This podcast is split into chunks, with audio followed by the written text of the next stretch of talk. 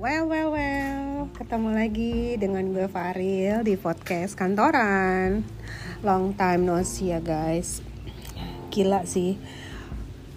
Lo pada khawatir gak sih akhir-akhir ini karena COVID itu yang makin tinggi, terus ada varian baru juga gitu yang, ya, uh, di komplek gue aja kemarin tuh sehari dua orang yang positif beda rumah.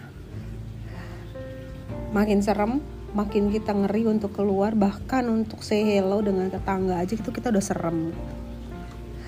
Tapi gue pengen tahu kenapa ya? Masih aja ada orang yang nggak percaya sama covid. Aduh, apa orang yang nggak percaya itu harus ngalamin dulu baru mereka percaya atau gimana gitu? Ya even itu adalah haknya masing-masing manusia untuk memilih mana yang dia percaya, mana yang tidak. Tapi anyhow, lo jangan deh memprovokasi orang-orang gitu. Better kita menyalurkan energi positif kita untuk menyemangati semua orang, menjaga kesehatannya, tetap menggunakan masker. Bener gak sih? Bahkan kadang gue tuh kalau misalnya jalan gitu ya terus uh, lagi mau beli sesuatu terus gue pas beli sesuatu beli buah deh kemarin tuh kejadiannya. Kayak gue tuh nanya mas kok nggak pakai masker? Gue tuh sebegitunya gitu. Dan karena gue percaya bahwa yang dirugikan itu kan tidak hanya diri sendiri ya tapi lingkungan sekitar kita gitu. Bahkan gue uh, kemarin tuh uh, baru lihat videonya uh, ada yang sepertinya sih dokter ya gue nggak terlalu jelas tapi uh, yang dia memberikan pengetahuan lagi bahwa bagaimana kalau kita nggak pakai masker dan apa yang terjadi dan bagaimana uh, impactnya buat orang lain. Ketika kita makan bareng dalam satu kafe tertutup jadi itu tuh ya guys bisa sampai 10 meter katanya.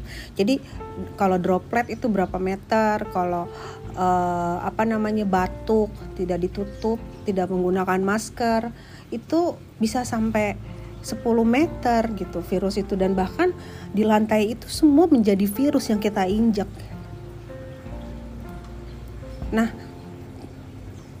makin serem ya gitu. Tapi kita perlu tahu pengetahuan ini supaya uh, kita juga makin aware. Parno jangan juga gitu karena kalau kita terlalu parno malah imun kita kan turun. Jadi malah kalau ketika kita ketemu sama orang yang memang harus ketemu nggak mau nggak mau kita imunnya lagi turun, impactnya malah jadi kita yang sakit. Kita kan nggak tahu ya orang itu apa lagi OTG atau enggak gitu. Bahkan kita sendiri kadang nggak sadar kalau sebenarnya kita tuh OTG.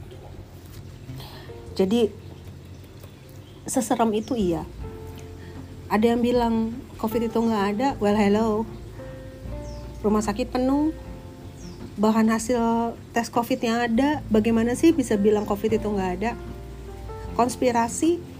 I don't know ya anyway guys. Bisa iya bisa enggak. Kalau menurut gue pertama kali terciptanya uh, penyakit ini ya kemungkinan kemungkinan gitu. Bisa jadi tapi apa pun itu kalaupun iya itu adalah konspirasi dari pihak apa pun atau mana pun atau siapa pun yang jelas covid itu ada. Wake up guys. Buat kita kita semua nih apalagi kita karyawan kantoran makin banyak sekarang. Balik lagi dari klaster keluarga balik lagi ke klaster kantoran yang memang sekarang ini sedang tinggi tingginya gitu.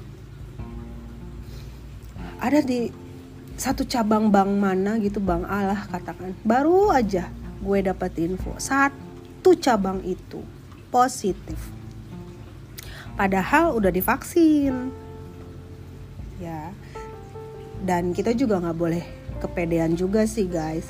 Kalau kita udah divaksin kita bisa berleha-leha bisa ketemu orang bebas bisa nggak pakai masker ngomong ke mana aja ngapain aja main-main liburan segala macem tapi kenyataannya masih bisa. Jadi vaksin itu bukan menghilangkan penyakit. hanya mengurangi impact dari si penyakit itu ketika kita kena jadi prokes itu tetap harus gitu gue memang pengen banget ngebahas ini gitu karena semakin banyak berita yang teman-teman kita kena ada bahkan dalam satu minggu dalam satu perusahaan satu kantor satu lantai itu tiga orang yang meninggal dan masa masih pada muda. Dan gue kenal. Sedih sih. Kadang kita mikir gak sih buat kita kita ini yang belum pernah alhamdulillah puji syukur kita sampai hari ini belum kena atau jangan sampai kita kena impact dari si virus ini. Cuman kan kalau Parno itu yang tadi kita yang tadi gue bilang jangan sampai parno. Eh namanya manusia pasti dengan kondisi gini aduh gue harus bagaimana ya gitu. Sementara kita harus tetap kantor kadang perusahaan-perusahaan juga tidak mengikuti ada gitu perusahaan yang tetap aja WFO full. Meskipun udah banyak yang kena tetap aja WFO full. Gue nggak nggak aduh speechless lah lihat perusahaan-perusahaan kayak gini gitu. Di mana kalau karyawan itu aset tuh di mana? Mementingkan bisnis betul. Tapi apakah dengan kondisi sekarang ini tidak bisa difikirkan keselamatan manusia ya? Apakah pekerjaan itu memang harus semua dilakukan di kantor? Men kita banyak teknologi yang hebat sekarang yang bisa kita adopt bahkan nggak sedikit juga perusahaan yang sampai hari ini karyawannya full 100% WFH dan bisa berjalan. Memang ada yang bilang ya gimana gue aja kantor gue boro-boro teknologi semua masih manual. Betul bukan berarti manual juga nggak bisa dikerjakan di rumah kan guys? Bahkan kalau nggak pakai sistem biasanya kan orang-orang tuh kalau perusahaan itu yang yang yang nggak bisa dibawa ke rumah tuh yang core-nya ya gitu. Karena sangat konfidensial gitu. Tapi yang lainnya yang memang nggak pakai sistem justru bener-bener bisa dikerjain di rumah menurut gue. Dan gue pun begitu. Tergantung kitanya mau atau tidak menyesuaikan dengan lingkungan dan dengan kondisi saat ini. Gitu ya. Nah gue juga mau tahu nih uh, karyawan kantoran semua udah pada vaksin belum sih? Ini kan tanggal 26 sampai 28 Juni ini. Masal ya vaksin gotong royong nih gitu. Ada juga yang sekarang terus banyak juga yang uh, apa namanya vaksin-vaksin massal gratis dari pemerintah. Jadi semakin gencar pemerintah juga menyuarakan masyarakatnya untuk melakukan vaksin untuk meredam semakin tingginya COVID ini menyebar. Satunya gue, bentar lagi gue vaksin nih. Padahal sebenarnya gue takut sama jarum suntik ya tapi demi diri sendiri demi keluarga demi lingkungan demi demi pekerjaan yang gue lakukan demi apa pun yang paling penting adalah demi kesehatan gue dan keluarga gue gue tetap ingin melakukan vaksin. Meskipun gue deg-degan guys. Ya kita bawa happy aja. Tapi gimana teman-teman? Udah pada vaksin semua belum?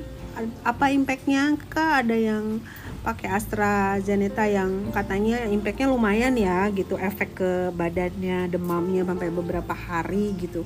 Tapi yang pakai uh, selain uh, AZ ini Sinovac, Sinovac nggak terlalu banyak apa ya impactnya untuk diri gitu. Cuman katanya sih benar nggak sih kalau kita mau vaksin uh, sebelumnya minum paracetamol dulu untuk cegah badan kita tuh nggak jadi demam atau pegal-pegal karena kebanyakan kan begitu ada teman gue juga yang ngomong begitu dan dia udah vaksin dan uh, melakukan uh, minum paracetamol juga sebelumnya. Ya semoga gue akan coba sih minum paracetamol. Semoga uh, tidak ada efek yang berat buat gue.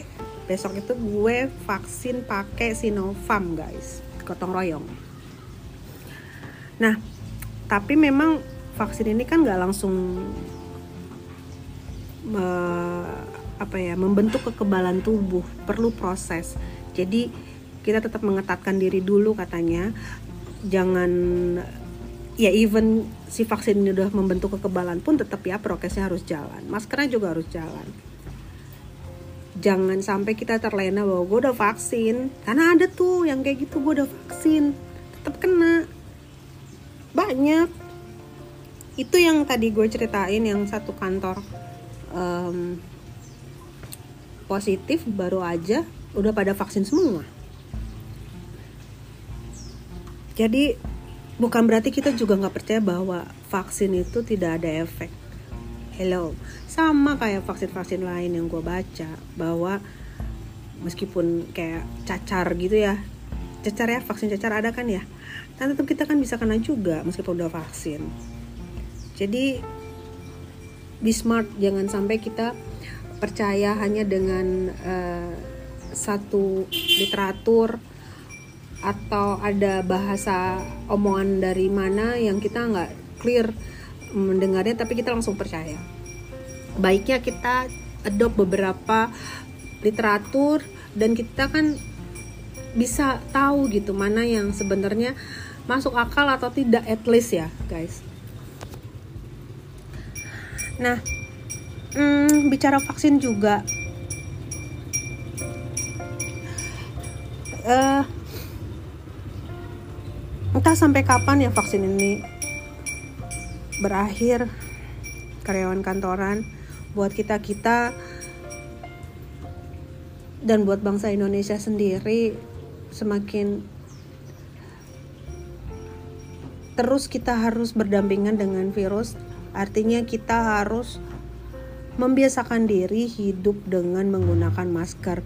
Apalagi kan kalau lo, lo pada udah dengar semua vaksin kan, uh, uh, sorry vaksin, oh vaksin ya. Maksudnya uh, sekarang ini yang dianjurkan adalah masker double. Tapi jangan salah, masker double yang benar adalah masker ada beberapa tuh tapi yang gue ingat adalah kalau lo mau pakai masker double jangan masker medis ditimpa masker medis kecuali uh, eh, KN95 ya ditimpa lagi dengan masker medis. Bisa kalau nggak salah ya. Yang paling gue inget adalah masker medis kalau mau di double dengan masker kain. Itu uh, uh, yang paling dianjurkan tepat guna untuk menggunakan masker double. Gue lagi coba tuh. Sekarang membiasakan diri lagi menggunakan masker nambah satu lagi. Jadi double sesuai yang dianjurkan. Ya kenapa enggak? Apa yang dianjurkan selama itu baik, kita coba. Ya kan? Terus gue ngelakuin apa lagi selain itu? Gue setiap malam dua hari sekali gue minum uh, air kunyit, rebusan kunyit. Dipercaya bahwa air rebusan kunyit itu untuk meningkatkan imun terus madu. Itu aja usaha-usaha gue sih. Dan pastinya gue juga hampir jarang banget keluar rumah kecuali gue ke supermarket dan ke kantor. Selebihnya gue menjaga diri aja. Bahkan gue pengen liburan pun sekarang gue udah sangat batasin. Tapi buat yang lain nih yang masih berani keluar gue sih nggak nyalahin ya. Tapi gue cuman mau mengingatkan sebagai sesama karyawan bahwa tetaplah menjaga uh, kesehatan kita guys. Tetaplah mengikuti anjuran pemerintah prokesnya. Jangan terlena dengan apa yang sudah uh, terjadi saat ini. Bilang konspirasi lah atau apa pun. Yang penting ini yang jelas sudah ada. Yang jelas keluarga kita teman kita saudara kita. Itu sudah ada yang terkena penyakit ini gitu. Bagaimana kita bisa bilang covid tidak ada? Gue nggak ngerti buat orang-orang yang punya pikiran kayak gitu. Kalau iya pun mereka punya ber, punya pikiran begitu ya oke okay, gue hargain. Tapi please jangan sampai memprovokasi orang lain untuk tidak percaya ini dan sehingga mereka tidak mau menggunakan masker karena tidak hanya merugikan kita aja tapi keluarga kita orang lain. Membahayakan semua yang ada dekat kita. Apalagi orang tua anak kecil kan kasihan ya. Kalau mereka kena karena kita.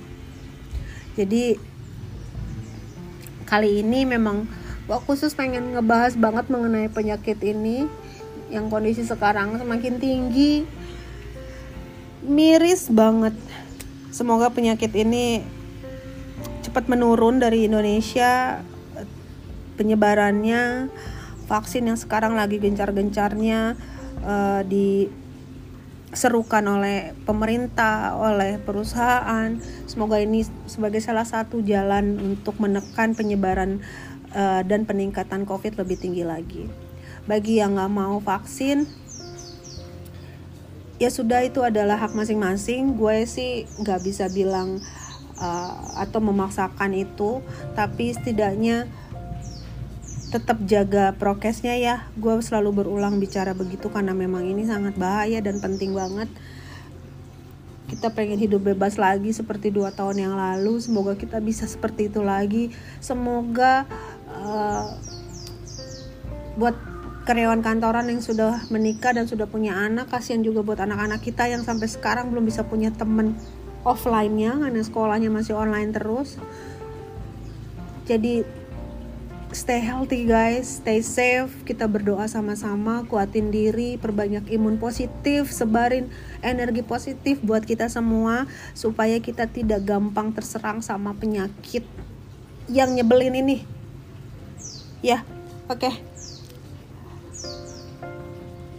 Segitu aja dulu gue pengen cerita-cerita tentang COVID dan seputar vaksin dan penyebarannya. Semoga teman-teman juga uh, semakin aware dengan kondisi ini, semakin aware untuk menjaga kesehatan sendiri sendiri dan keluarga dan lingkungan sekitar. Oke, sampai di sini dulu karyawan kantoran.